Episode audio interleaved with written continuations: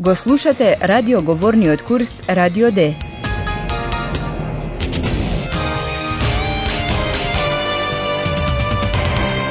Заеднички проект на Гете институтот и Радио Дојче Веле. Авторка е Херат Мезе.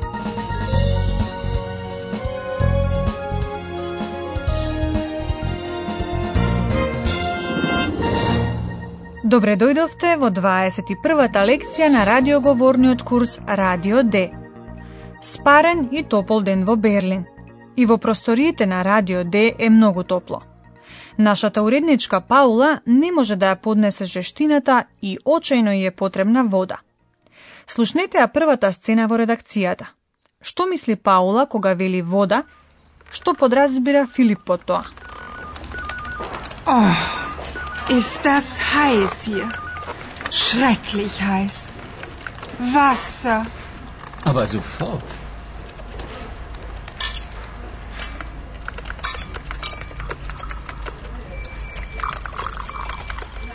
Wasser, bitte sehr. Ach, Philipp, ich möchte kein Glas Wasser. Ich brauche einen See oder mm, das Meer.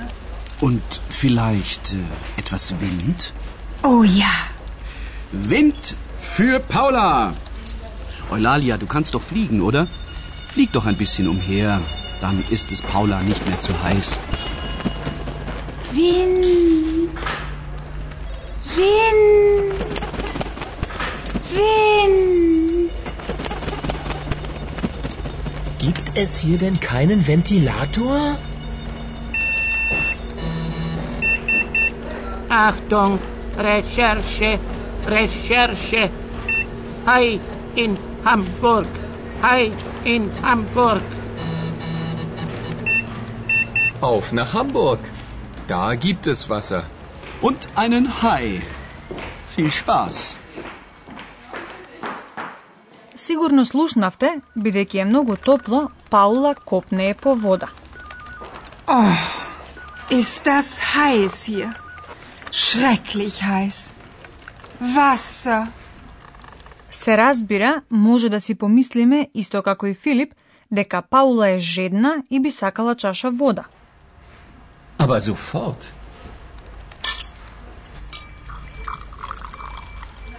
Wasser, bitte sehr. Но Паула не сака чаша вода.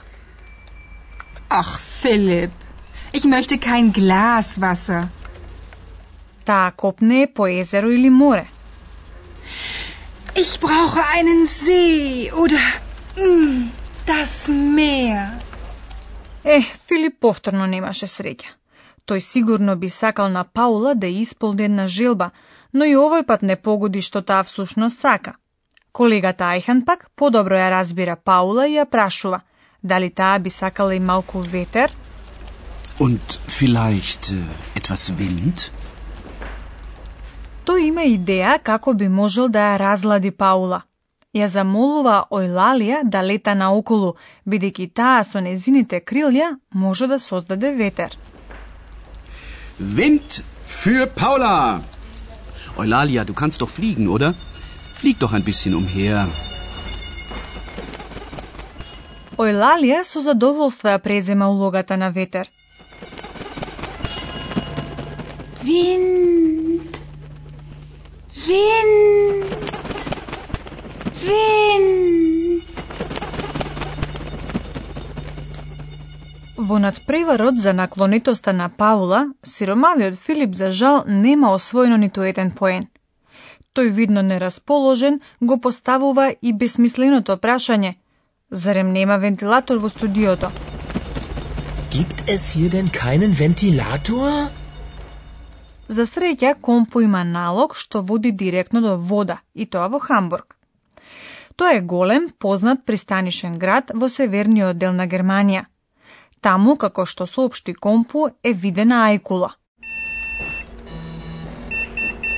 Achtung, решерше, решерше, хај ин Хамбург, хај ин Хамбург.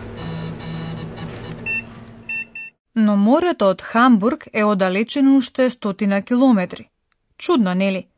Како и да е, двајцата директно отпатуваа до кеот на Хамбуршкото пристаниште и оттаму ја испратија нивната прва репортажа. Hallo, liebe Hörerinnen und Hörer. Willkommen. Bei Radio D.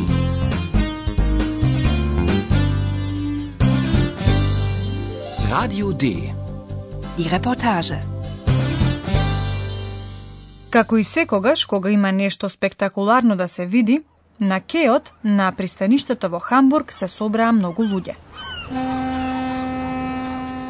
Филип и Паула исто така сакаат да бидат поблиску до водата, во центарот на случувањата.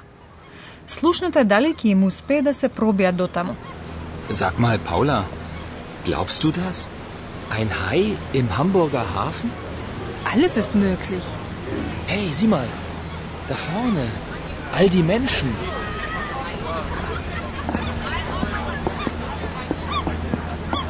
Siehst du was? Nö, nur Menschen. Kein Hai? Mann, siehst du den Hai? Da! Da! Der Hai! Entschuldigung, dürfen wir mal vorbei? Wir sind Reporter von Radio D. Reporter? Ist ja mal sehr interessant, nicht? Da vorne sind schon zwei, das ist genug. Nö, Mann. Hier ist tätig und hier kommt niemand vorbei. Erstmal will ich den Hai sehen. Komm, Philipp. Und tschüss. Aber Paula! Paula!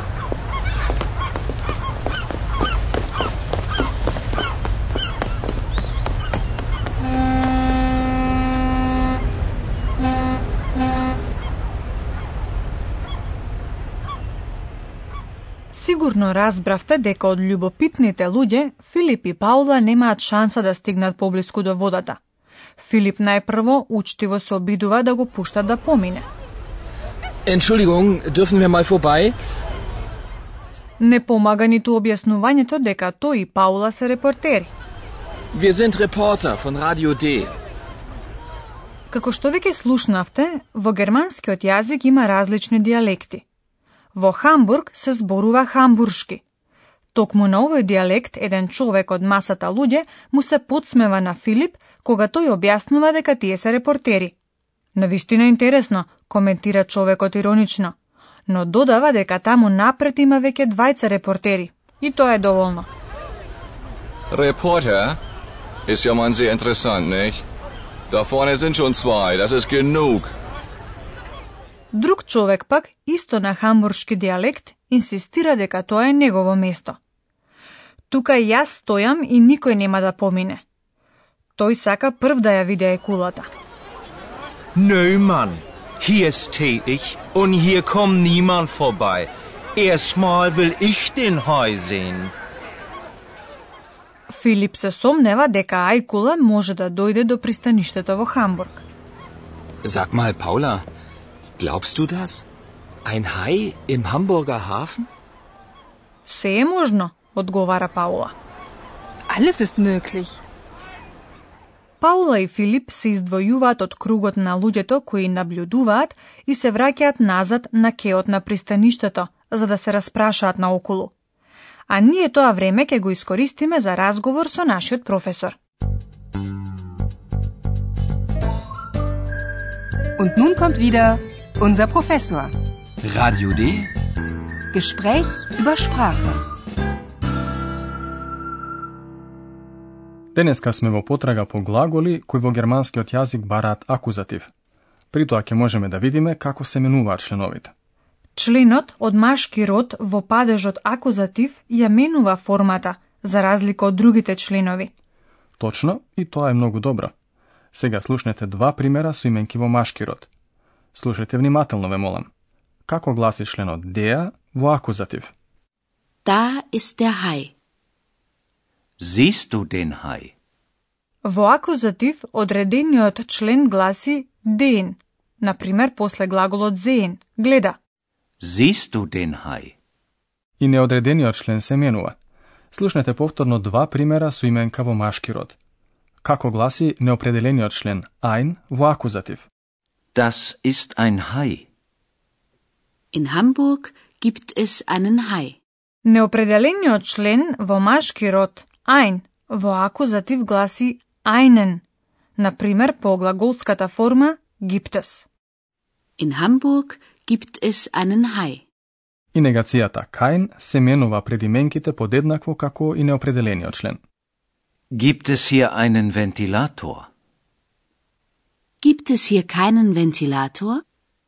Членовите за именките од машки род во акузатив се препознаваат преку наставката н.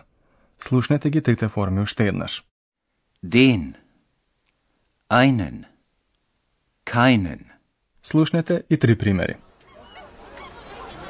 Erstmal will ich den Hai sehen. Auf nach Hamburg. Da gibt es Wasser. Und einen Hai. Gibt es hier denn keinen Ventilator? Тоа беше се за денеска. Ви благодарам, господине професор. А вие, почитувани слушателки и слушатели, слушнете ги уште еднаш сите сцени од денешнава лекција.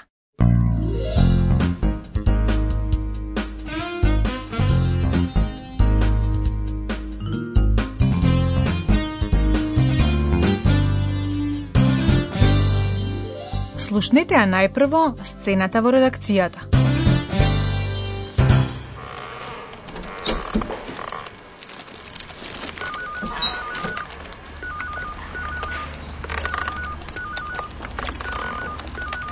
Oh, ist das heiß hier. Schrecklich heiß. Wasser. Aber sofort.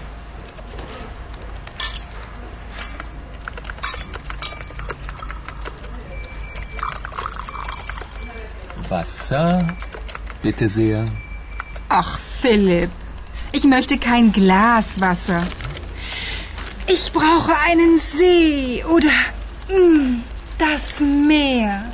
Und vielleicht äh, etwas Wind? Oh ja. Wind für Paula. Eulalia, du kannst doch fliegen, oder? Flieg doch ein bisschen umher. Dann ist es Paula nicht mehr zu heiß. Wind. Wind. Wind. Gibt es hier denn keinen Ventilator? Achtung, Recherche, Recherche. Hai in Hamburg. Hai in Hamburg. Auf nach Hamburg. Da gibt es Wasser Und einen Hai. Viel Spaß. Слушнете ја сцената на кеот од Хамбуршкото пристаниште.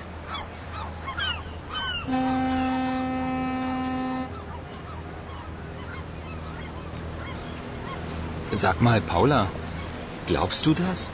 Ein Hai im Hamburger Hafen? Alles ist möglich. Hey, sieh mal, da vorne, all die Menschen.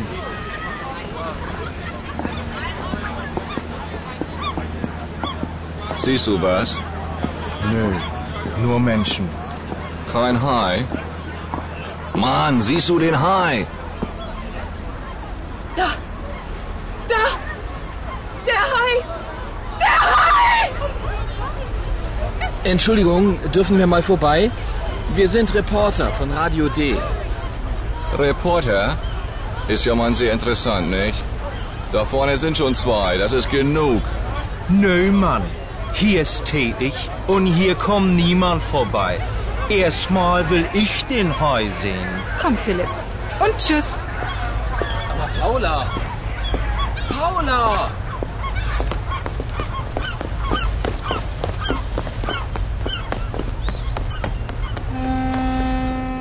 Во наредната лекција, Филип и Паула ќе откријат нешто многу необично.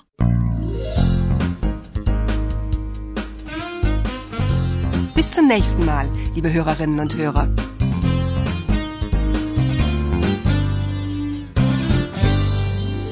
Го слушавте Радио Д, курсот по германски на Гете институтот и Радио Дојче Веле. Und tschüss.